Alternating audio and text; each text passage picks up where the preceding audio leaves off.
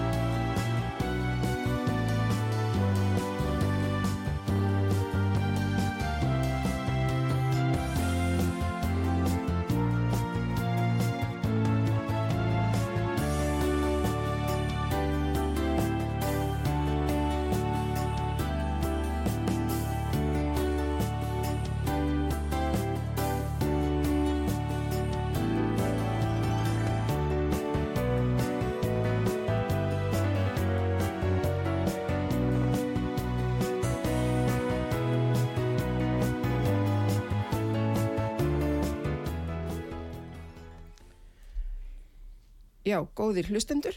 Þið eruð að hlusta á mentaspjallið á útarpi sögu. Ég heiti Valgerist Næland Jónsdóttir og viðmælandi minn í þættinum í dag er Dr. Ingólfur Ásker Jóhannesson, profesor við mentavístasvið Háskóli Íslands. Velkomin, Ingólfur. Já, þakka þið fyrir. Ég er með kveðju til þín frá Ólafi Proppe. Ég þakka þá kveðju, það er alltaf gott að fá kveðju frá honum. Já, með. Heyrðu, við sem sagt byrjum fyrir nokkrum dögum að vera með svona mentaspjall hérna og þetta þróast bara svona dag frá degi, hvernig, hvað við erum að tala um. Hugmyndin upphaflega hjá Artrúði var að fylgja eftir niðurstöðum, umræðum um niðurstöður PISA, þessa nýjasta próf sem var tekið 22 og, og kynnt núna 23. En svo, hérna, svo bara notum við það hugsanlega sem einhvers konar hugsanlegan grunn til þess að ræða um, en svo getum við farið í allar áttir. Og það fyrsta sem ég hef gert í þessum þáttum, hugsa alltaf til Gilva Pálssonar þegar ég segi þetta, en þegar ég var að byrja semst á fræsliskristóri Eikanisöndumis hérna 1980, þá var Gilvi Pálsson skólastjóri í Gagfræðaskóla Mósels Sveitar. Og hann tók, það er ógleimalegt hvernig hann tók á móti okkur nýgræðingunum. Hann, hann spurði okkur hvernig manna við værum og mér finnst þetta, þetta hefur fyllt mér alla tíð síðan. Mér finnst bara ofsalega gaman að hafa leifi til þess að taka svona til orða. og ég er að hugsa um að, hérna, þó ég hef heirt aðeins á ykkur artþjóði hérna, að þið væri svona næ, næstum því sveitungar, að mér langar til þess að spyrja þig líka bara hverra manna ert þú Ingólfur Ásker? Ég er alveg upp í Mývasveit og flokka mig þannig eða þingaeng eftir því hvort það er nærtakara. því ég er ættaður úr flestum öðrum sveitum en Mývasveit.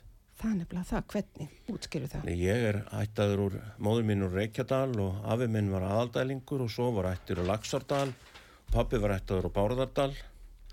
Þá er nú svona að farið að búin að tellja upp oppan af sveitunum. Ég er Já. ekki vissum að ég ættir í kinn Nei, eða Reykjakverfi það er nefnilega það. nema að sé farið lengra. Já, en gaman að þessi. En svo er ég tálnverðingur í eitt fjórða.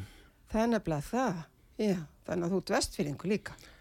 Bara á góðum degi er ég það. Já. Og, og þar hef ég fundið sko skildasta samstagsfólkið mitt við mentavísindasvið og einmitt ættað þaðan. Segðu mér meira. Það bara fundið fólk sem er á þriði og fjórða lið, liðið mig en þingaengarnir hafa verið aðeins fjarskildar í mér. Er Ég hef kannski þekkt á lengur þingaengar sem hafa verið þar Já, einmitt. Ég er sko fætt í Bjarnafyrði. Já, Þannig að hérna, við þurfum kannski að kíkja á það eins. hver veit sko.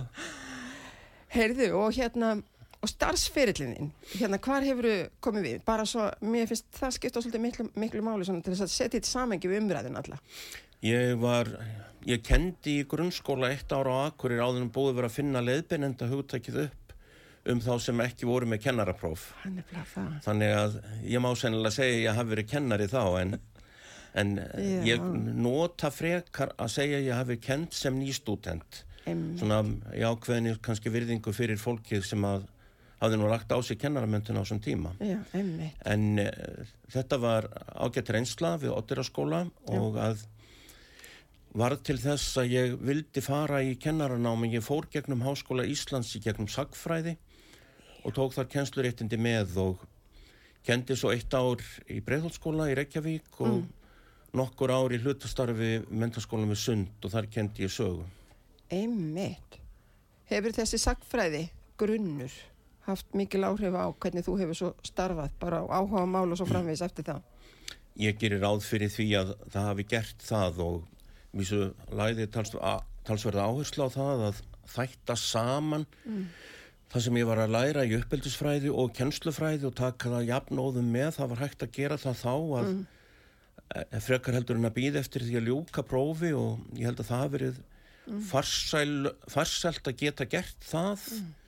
Þannig að ég dreifði því námi á fleiri ár. Þannig að ég held að ég hef haft meira út úr því þannig. Já, akkurat. Mér hefur náttúrulega oft langað til þess að kynnast sagfræði, bara til þess að því ég komst að því, ekki að, já, fyrir nokkrum mánu síðan að ég á afabróðir sem að kvarf hérðan á fyrir hluta síðustu aldar og, og flutti til Danmörku til Marstal og svo allt í hennu bara uppgötta ég hann þennan. Og hérna fóru að hérna, fylgja því svolítið eftir.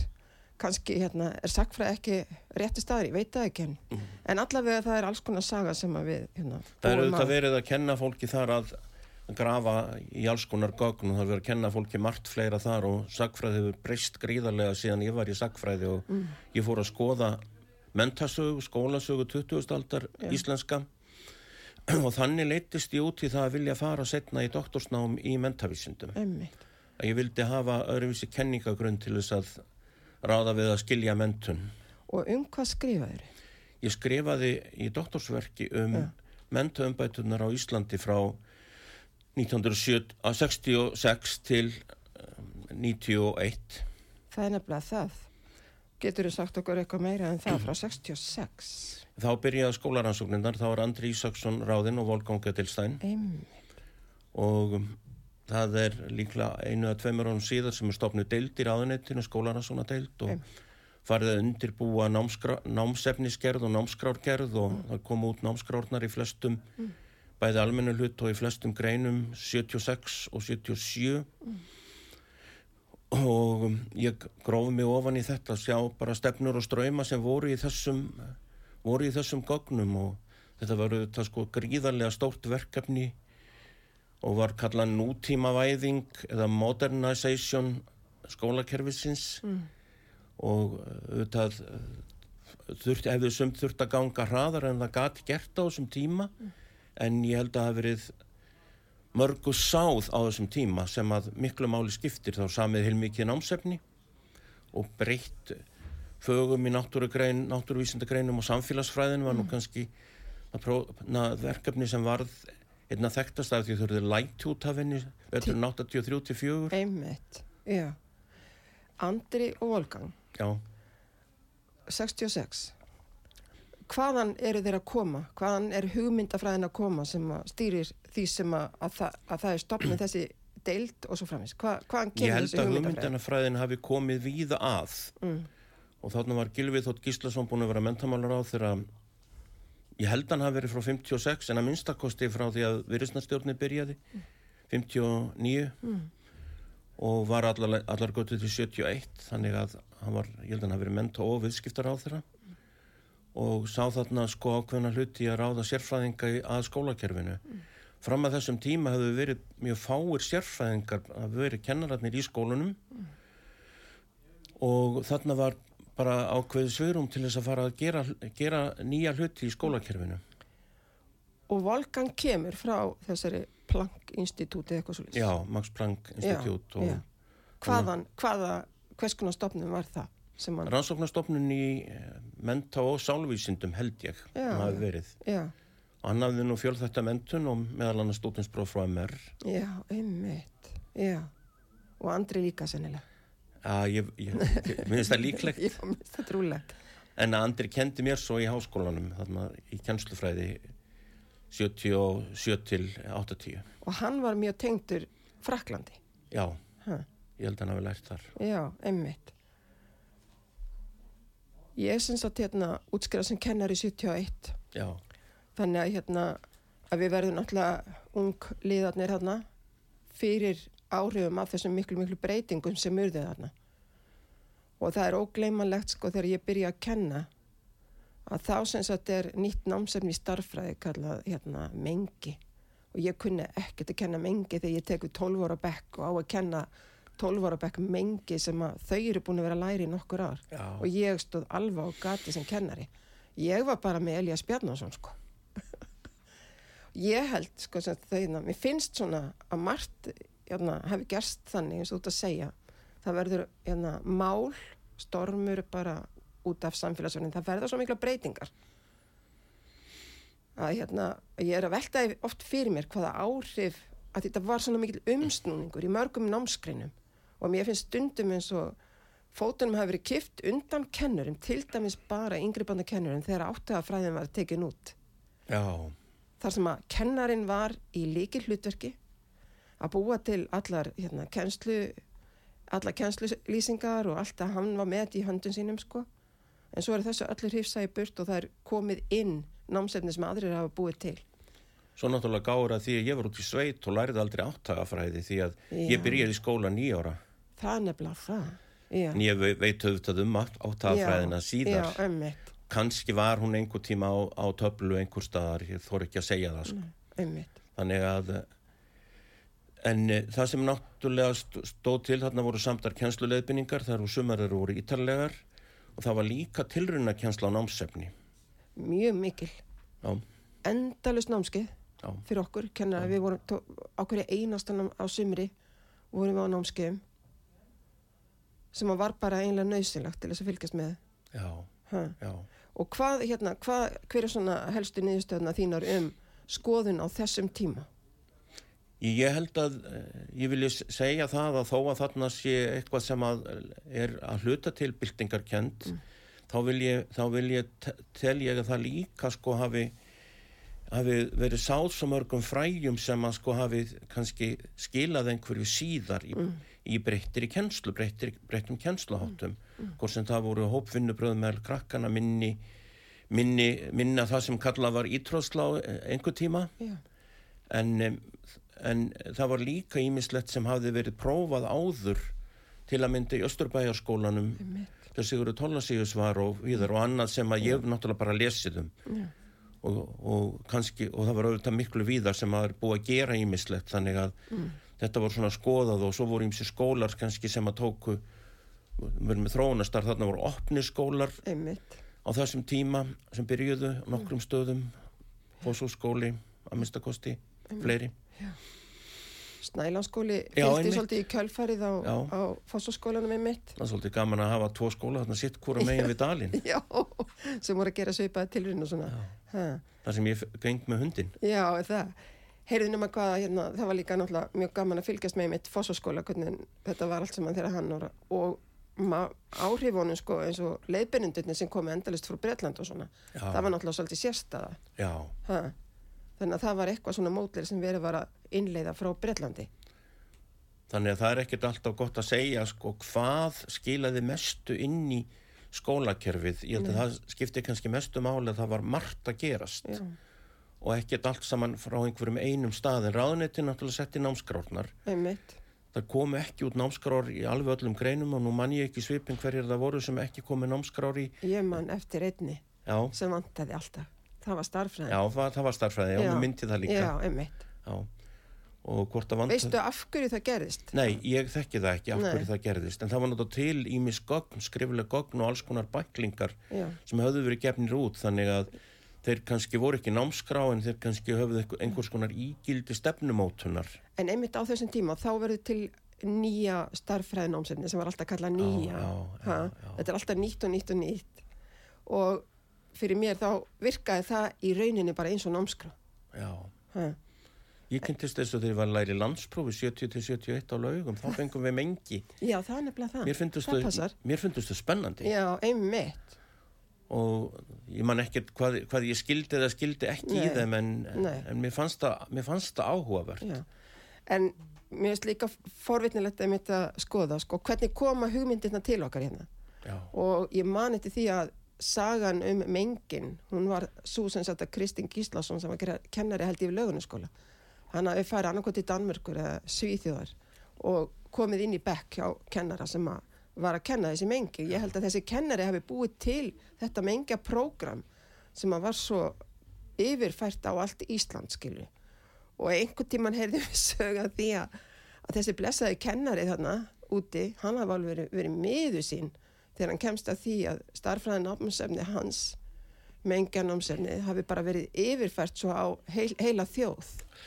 En ég veit ekkert sannleik skildið sko í þessu. En þetta var það sem við vorum að tala um í gána dækna. Mm. Já, það má alltaf velta vengum yfir því hvort að það er betra að taka upp nýjungar að hluta einhver staðar eins og það að tilurinn að kenna námsefni í nokkurum skólum mm. fyrir ekkar heldur en að ætla öllum að taka þau upp. Það er svona alltaf álita mál hvað Einmitt. er betra. Já. Núna er náttúrulega er mikil fjölbreytni í skólakerfinu núna og mm og ég sækir ástöfnur hjá samtökum áhugafólk sem skólaþróun. Já. og það er bara hálfur veistla að sittja þær og, og það er einlega meiri veistla því ég er frá nálgast að fara á eftirlaun. Þá er það einlega meiri veistla að fylgjast með því hvað fólk er að gera og, og hafa tækifæri til að dásta því þó að það sé bara í huganum. Já, en líka taka þátt í umræðu um, um nýjungarnar og heyra hvað er verið að gera spennandi Já, og hvað fólk hefur tekið upp og annarkot bara fundið upp Já. eða leitað að einmitt. erlendis eða í námi. Já, einmitt. Svo tökum við PISA-prófið sem er eitt, sem Lambi saði ekki að það væri bara eitt af mörgum prófum sem stæði til bóða en hérna fyrir okkur hérna í Európa allavega og hérna svo fáum við svona sjokk á þryggja ára fresti Ég vil að lesa sjokkið núna Já, er það ekki en svo þegar maður fyrir að skoða þetta nánar þá virðist líka vera eins og hínar Norðurlanda þjóðurnar séu heldur ekki ánað með sína framistöðu en þau eru samt standa betur heldur en við. Ég er ekkit sérfróður um písaransóknina, neitt frekar en aðrir, Nei. en um, ég hef þó fylgst með henni allan tíman og ég sé það á, töl, á niðurstöðum að það hafa fleiri dalað en við Já. og að en það er, það er svona óþarflega mikið rap hjá okkur. Bara, ég var svolítið dapur. Ég var því hótt að það fyrstu dagan eftir ég sá þetta. Og, og núna bara eru allir svona reynað svolítið að átta sig á því hvort að þeir fara að gera eitthvað sérstakt. Mm. og það var nú eitt kollegi minn sem sagðist alls ekki vilja að þeir eru neitt stjórnsýsluður bakslagangur, ég vona ég mig að stela þessu frá honum. Gott, já. Já, maður heyrir svona upprópanir. Já. gerum eins og finnar Já. gerum eins og svér, gerum eins og. Mér skildist að hérna á Jóni Petri í réttarhaldsskóla að, til dæmis eh, síðasta aðalnámskrá hún hafi eiginlega verið tekinn bara eftir hefnd eftir svíþjóð. Skilu, það er eins og við sem hvernig kemur að því að hérna, við getum bara stolt sagt já, þetta er bara svolítið íslenskt. Ég hef þarna þraut yfirfarið allar aðalnámskráð grunnskóla og það er eins og harmonika. Já. það er að segja að það kemur ítalega námskrá. Já og svo kemur 76-7 mm. svo kemur miklu stittir 89 mm. svo kemur ítarlega og laung 99 og svona ákveðin útgáfa af henni 2006 eða 7 mm. og svo er hún miklu stittir í þessi sem er 2011 þannig að ég veit nú ekki beinlýnis hvað hefur verið tekið eftir Svíþjóð í henni. Ég kom sjálfur að gerð almenna hlutans fyrir öll skólastegin þrjú og sérstaklega að kapla um grunnþætti sem hafðu verið unnir hér heima en það eru þetta alþjóðlegar hugmyndir sem byrtast í þessum grunnþáttum þannig að það er ekkit, það er ekkit alg, algjörlega heimasmiðar og það er í dálum takti við frá þarna efnaðs- og framfærastofnunni OECD um hæfni. Þannig að segja að það er skilgrend líka líkilhæfni mm. og það er svona það er, það, það er, það er einlega það er er tóna svolítið saman mm. grunnþættin eru þessi líkilhæfni mm. þannig að þannig er læsi því meira skipt upp í, í líkilhæfninni heldur en í heldur en í grunnþáttunum mm. en svo koma þarna jafnbritti og það koma heilbrið og velferð og sjálfbærni ég er ekki að tellja all, alla upp nei, nei. núna en, en svona sem dæmi og það er allir samsvörun Nú glemtist að slekka á, á trublaranum og það bara hringir hátt. Hmm. getum við gert eitthvað í þessu taknumöður nei, hann sýstu bara hefur ég átti náttúrulega bara að vera búin að slaka þessu. Heyrðu forvittnilegt þannig að, hérna, að þetta er bara svolítið líka íslensk útgáfa. Ég held það en uh, svo eru kannski hlutir, ald, hlutir oftast ekki alveg jafn íslenskjur og maður myndi vilja þeir væru Nei, en, en þeir lutin eru þróaðir alveg eins og starf Andru og Volgang sáttu sér einhver, einhverjar fyrirmyndir og þeirra sem voru Mm. Já. að vinna með þeim sem voru, sem voru skipti einhverjum hundruðum manns Já. sem koma þessu verki kannski nokkri tugir sem komaði sko, á tímabili í fullu starfi Mm. þegar var að vera að ráða námstjóra í, inn í ráðunettið svo fór hlut af því starfi út í fræsluskrifstofunar Mm. ef ég hef skilið atbyrðar á sinna rétt Já, námstjórnarnir voru í ráðunitinu já og svo svo voru bara aðrir ráðgjafar já, á fræsluskustofinu, sko. og ég held að það Já. verið elft þegar það var fækkað námstjórum Já, það, en það ég er með, ég er ekki, er ekki alveg með tölur Nei, til, að geta, Nei, til að geta sínt fram á þetta Já, akkurat. nákvæmlega Já, einmitt. Já, þetta var oft á tíðum alveg mjög gott samstarf. Alveg bara, eða oftast. þannig ég var sm- smá tíma þarna með samfélagsfræði að semja námsefni og þá Mm. svona var ég bara svolítið var við þetta einmitt sko ímislegt sem var verið að gera hér og gera þar. Já, og að og menn voru að læra hver af öðrum. En það tók Arnór tíu árað að tjá sig um samfélagsfræðina. já, Ha, já, hann gerir það ekki fyrir 84 þegar að samfélags, hérna, deb, deburðin verður. Já. Og hann tjái sig um, um það. eins og þó að það, svo, þó að það verkefni væri sko formlega lagt af Já, þá voru ymsar hugmyndir sem kom með samfélagsfræðinni. Þær dó ekki og Nei. ekki kennsluhættirnir. Nei, nei. það var gríðarlega þróun eins og þú auðvitað þekkir í Já. kennsluháttum og svo Já, er farið að taka upp þetta hugtak skólaþróun. Skólana svona deildin breyttist í skólaþróunardeild. Einmitt. Ártalið kann að hafa verið 1985 ég man það ekki Það getur nákvæmlega passað vel.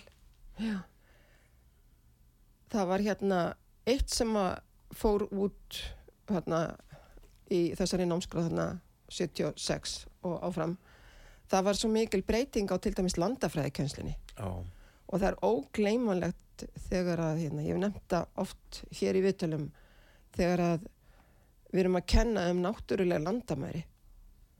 Þá gerum við það ekki í samhengi við Ísland, landið okkar, sem er nú með náttúrulegusti landamærin sem hugsast getur.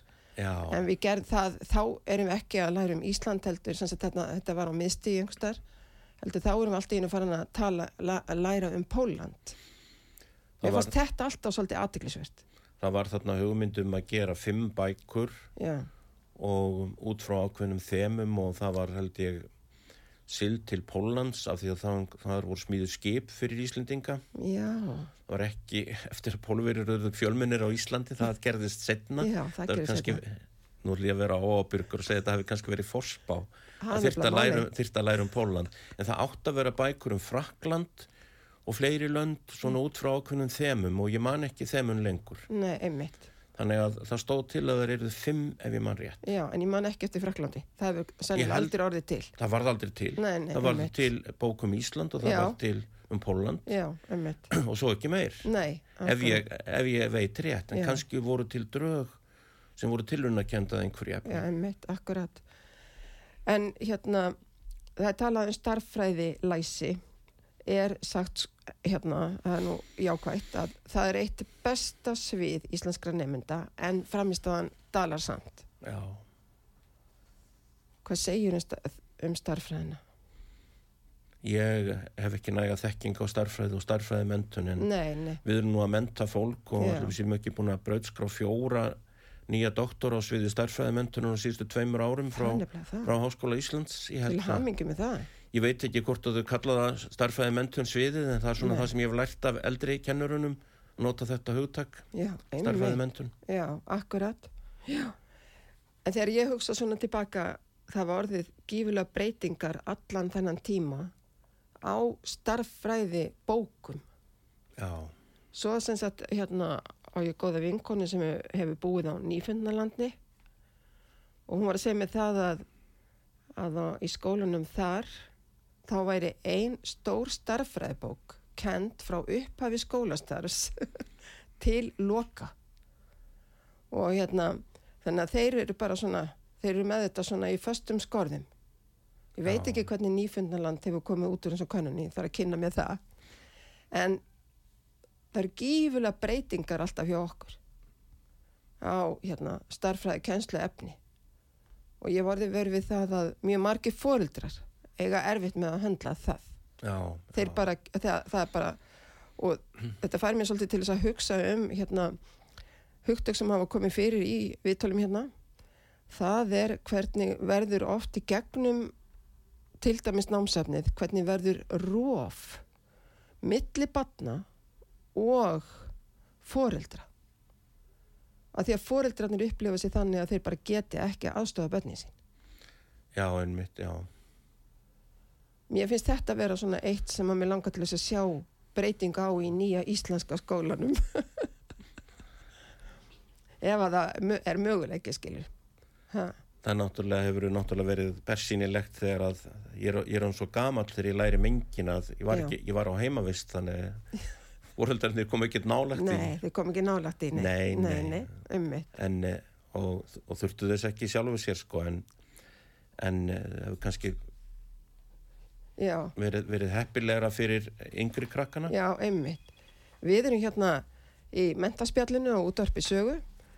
Ég, Valgerður Snæland Jónsdóttir og viðmælandi minn, Dr. Ingólfur Ásker Jóhannesson, professor á mentafístasviði Háskóla Íslands og við byrjum aftur hér spjallið eftir stutt auglýsingarlega.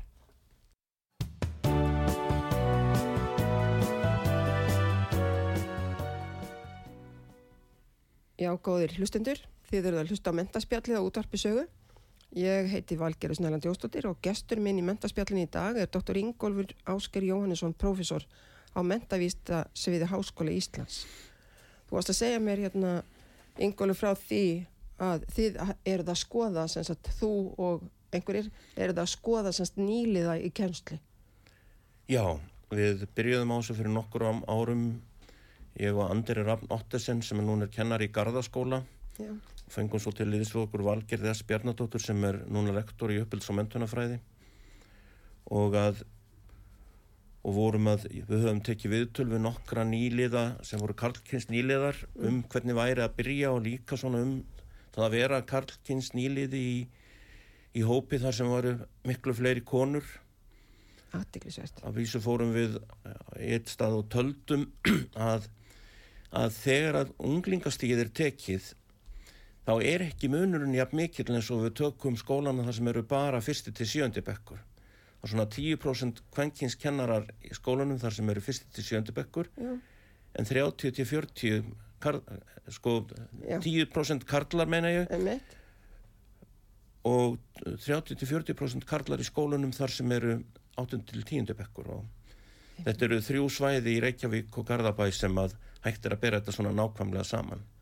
En aðtiklisvert. Við töldum þetta reyndar eftir Já. bara símaskrá skólana að því við ætluðum ekki að fá tölur upp á prósentubrút. nei, En við vorum að skoða bara hvernig, hvernig þetta væri og eitt af því sem við fundum út að það voru gerðar alls konar vænt, það voru hafðar upp ímsar væntingar til þeirra um að þeir væru frábærir agastjórnendur. einmitt. Ekki þetta var lítið með að Ég- segja frábærir, það var, þeir upplifðu væntingar til sín út á kynið Það er nefnilega það.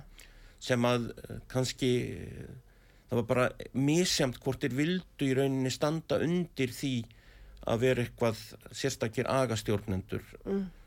og ég hef nú líka verið ungur, ungur karlkynskennari meðan var fleiri karlkynskennarar Mm. þá er það ansi bratt ef maður á að vera góður í að stjórna bekk þegar maður er nýliði Mm.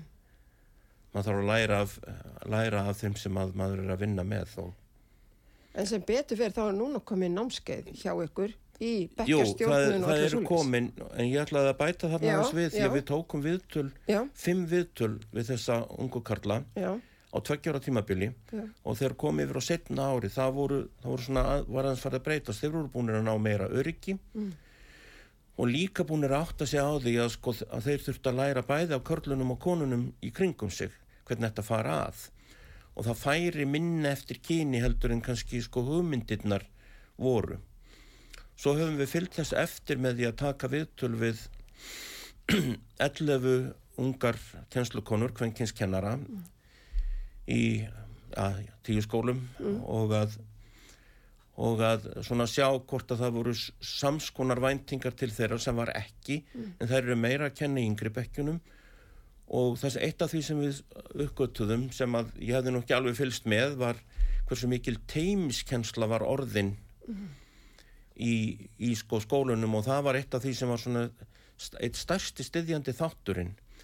En af því að þú myndist á sko leðsögnina og námskeið þá er farið að menta leðsagnarkennara og ég, það var ein af þessum 11 kennslukonum sem var með mentaðan leðsagnarkennara til að leðsæja sér. Helmingurinn af þeim og meiriluti karlana voru ekki með eh, annarkot enga eða ekki mjög burðuga leðsögn nýliða.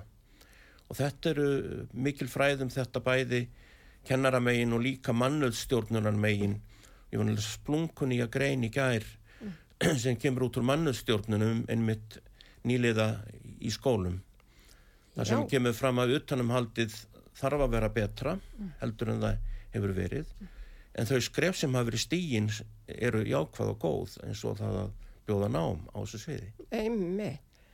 Hvernig eru svona leiðsagna kennara ránir inn í skólana? Ráða skólastjórnir því eða hverjir ráða? Það þeir, ég, held, þeir, ég held að þeir ráði því fyrst og fremst sko bara eins og öllu nánast bara öllu manna haldi hjá sér Einmi. þá séu það þeir sem ákveða það en kannski er það kennari sem starfar í skólanum sem fer í framhaldsnám og aflar sér þessarar þekkingar og reynslu En geta sko kennarar hver fyrir sig óskað eftir því að fá þessa leiðsagn? Ég held að kennararnir eigi strangt til tekið að fá leiðsögn fyrsta starfsárið sitt í einhverju formi. Ég þekki ekki alveg reglunar um kennsláfslátt, það er ekki, það er ekki vistar síðu samræmdar ef ekki lesið síðustu kjara samninga, hvað það varðar. Við erum náttúrulega fyrst og fremst að skoða upplifun. Einmitt. Ég fekk þarna með mér kennaranema sem heitir aðalheður Anna Erlingsdóttir og núna kennar í Þorláshöfn og Maríanne Jónsdóttir Maríadóttir sem er kennar í Garðabæf fekk þar með mér ásand valgerið til að taka þessi viðtöl og að og við erum núna bara að vi- að vinna úr þessu aðalheður lög sínu mestraprófi með þessa reitgerð. En bara Um gaman að því. Og frábært. Þetta hefði nú þurft að vera til hérna sem möguleiki bara alla tíð. Ha. Ég Kanski held, koma sér ég, ég, held, ég held að þetta verði elft Já. og ég er bara bjart sýtn um það þó að, þó að ég viljað að væri ennþá meira í þessum niðurstöðu sem við erum með. Þetta Já. eru nú ekki nema átján, átján kennara sem við höfum talað við samtal sem er Einmitt. svona ágetur hópur og, og mjög víða á landinu. Já, einmitt. En einmitt þegar þú talar um sko teimiskenslun og svona, Já, þá er, verði mér núna bara að hugsa til þess að, þegar ég byrjaði að kenna þá semst vorum við þrjú með 12 ára bekk í árgangi og mikið rosalega tristi ég mikið á þau í Já. sambandi þannig að þau urðu í rauninni hálgerði leiðsagna kennarar og svo átti mamma semst einn að máum mömmu, hann var kennari í löganu sko þegar árið sem ég var að byrja, byrja.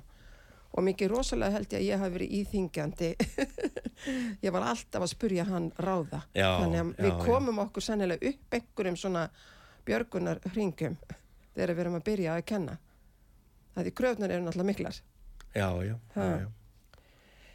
heyrðu hérna læsi á náttúruvísindi hvað segjur um það hérna sögu sagfræðingurum heyrðu læsi á náttúruvísindi dalar meira en í öðrum löndum Ég eh, kann ekki miklar skýringar á því í raun og veru. Hvort að við leggjum næga áherslu á náttúruvísendilega hugsun í skólunum eða samfélaginu, ég veit það ekki. Það getur vel verið að við hlúum ekki nógu vel að þessari hefni sem að krakkarnir eiga að afla sér í skólakerfinu. Ég nú vísu spyr ég þá sem að leggja til að vera fjölga tímum í náttúrufræði hvað er þá að fara út í staðinn. mm -hmm, En- En það getur líka verið og að því ég er ekki náttúrufræðikennari, þá getur ég ekki fullirt neitt um það að þurfa að breyta því hvernig tímandir eru notaðir. En það er svona kannski það fyrsta sem að ég spyr mig ef að nefnendur mín eru ekki ánaðir með kjensluna hjá mér, hverju þarf ég að breyta til þess að bæði ég og þau verði ánaðir í. einmitt. Já, Það, og það kann að vera að sko, það séu, þurfa að skoða greinarnar hvort, hvernig það eru að kendar og þú, þú þekkir starffræðina miklu betur en ég og ert að tala um að vera orðið margvíslegar breytingar á starffræði efni og ég svo sem, hef, hef svo sem haft veður af því líka en það er ekki það en, en uh, ég held að, held að þurfa að skoða þessar greinar þá í kjölinn ef ef við teljum að þær séu svona mikla líkil greinar. Við getum líka velt vöngum yfir því hvort að við eigum að taka þátt í einhverjum alþjóðlegum samanburði á sviði listgreina eða, eða, eða samfélagsgreina Já, en ég er samt ekki endilega að mæla með því allir sem að þekkja þessi að písa-rannsókn betur en ég mm. Telja að þetta sé ábyggileg gögn sem verið er að vinna með og það sé rétt að taka mark á þeim? Það sem að hérna passar okkur ekki íslenskri þjóð, það er að fá sem sagt niðurstöðnar um að fáir nemyndur eru með afbyrðahæfni Já, eins og við eigum mikið af snillingum á öllum sviðum. já, Ha, mér finnst þetta mjög aðdeglisverð niðurstöða. Það er kannski gott að sé til margar leið, leiðir til að verða snillingur Já, en eh, við sko tónlistar getan er náttúrulega ekki prófið þarna við vorum Nei. ekki að stofna tónlistarskóla hérna fyrir 50 árum Já, já. með, eh, sem að hefur skilað mjög miklu tónlistarnámið Mm. allavega þeim einstaklingum sem að hafa náð frama í tónlist Mhm. og mörgum öðrum sem hafa líka haft tækifærið til að stunda tónlistarnám Aldeilis. Bróðir Volgangs, var hann ekki skólastjóri lengi? Jú, Tónlistaskólans? St- Stefán Já, hann hafði nú aldeilis mikil áhrif á, á tónlistarnám á Íslandi. en svo held ég bara að þetta skipti miklu máli þetta var svona sko, dálsett stór hluti almenning sem getur haft aðgang að tónlistanámi fyrir börnin, ég þekkja vís ekki verðið á því og hversu margað verðið kann að útiloka í dag en, Einmitt. en það er samt mjög margir sem hafa tækifæri til þess að stunda tónlistanámi og bara sé það í kringum mig. Já. Svo finnst mér alltaf umræðan um bóknám versus innám aðtiklisverð og las mjög aðtiklisverða greinin daginn þar sem að var verið að, maður var að halda því fram sem sagt að tvítugur rafvirkja drengur eða rafvirkja maður sem væri búið með sveinspróf Já, að hann væri einna til tveggja hvað var hann að tala um sem hérna, hann væri svo rosalega dýrmætur bara strax um tvítugt fyrir samfélagið. Hann var hérna með einhverja rosalega tölur.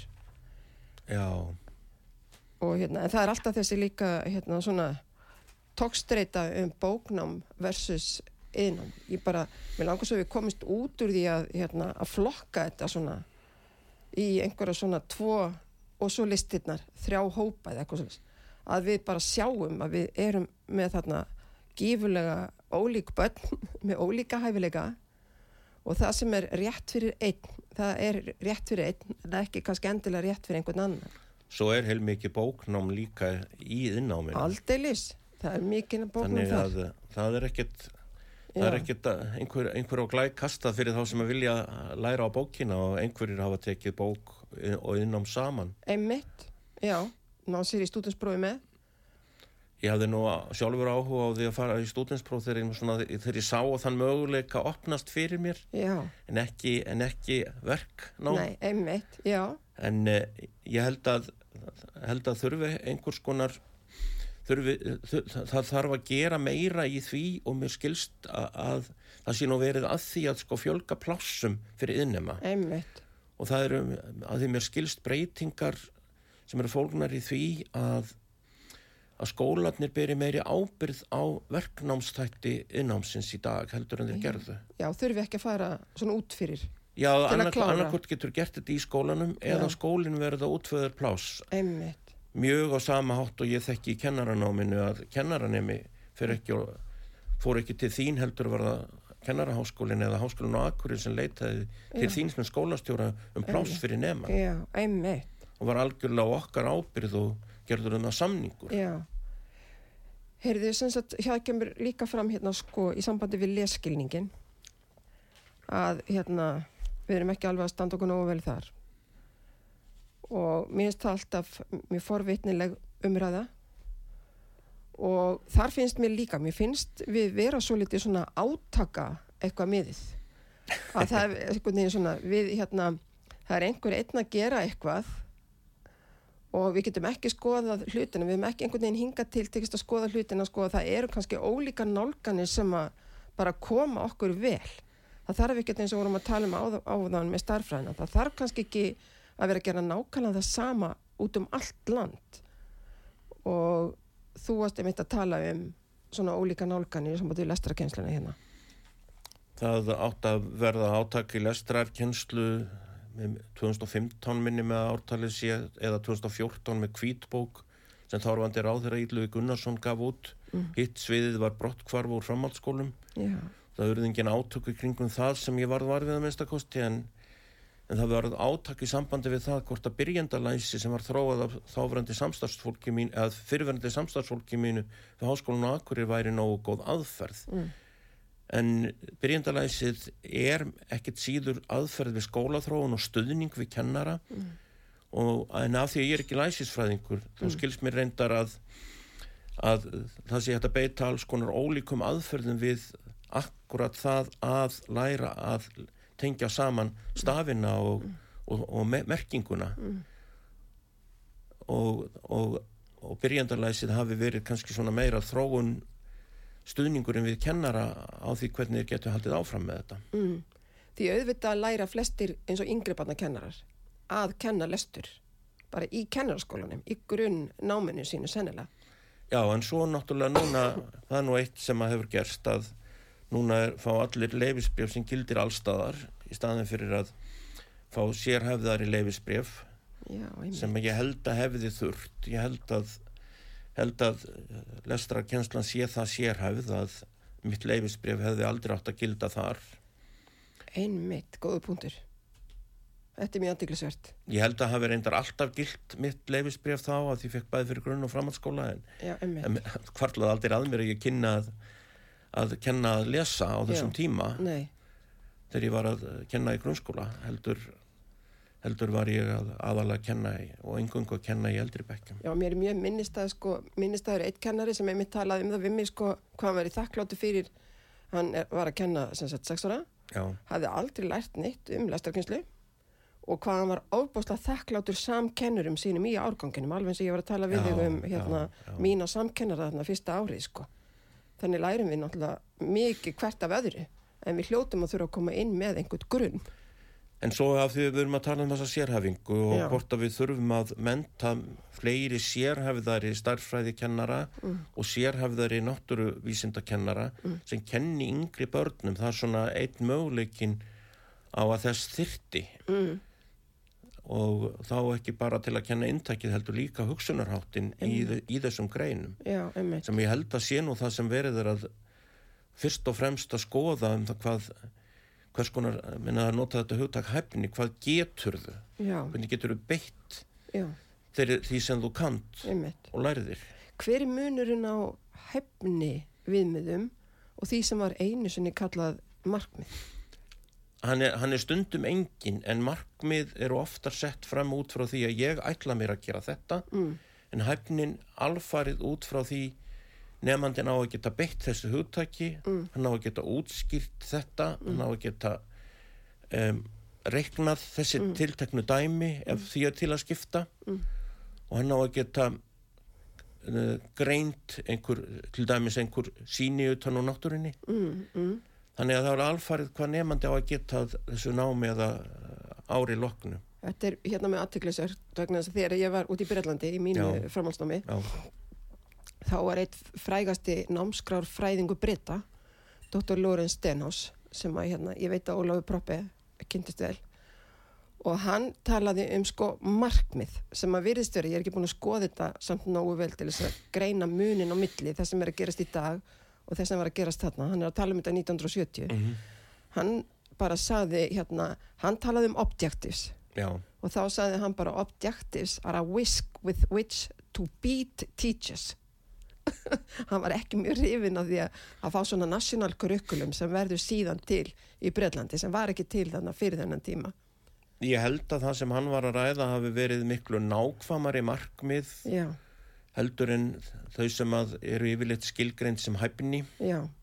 Já, með grunna það líka. Og að uh, og, og líka það sem ég læriði að held ég að lesa hann var að að það væri líka til eitthvað sem maður geti kallað ferilsmarkmið, það er að segja að maður skilgreinir hvað nefnandinn á að fást við Einmitt. en er ekki búin að skilgreina útkomuna nei, og það er ekkit endilega ófarsælt að gera það nei, að ákveða hver eru viðfangsefnin einmitt já, mér fannst það, breski kennarar á þeim tíma fannst mér einmitt kunna það að skilgrina viðfangsefnin miklu frekar heldur en við. Já, já.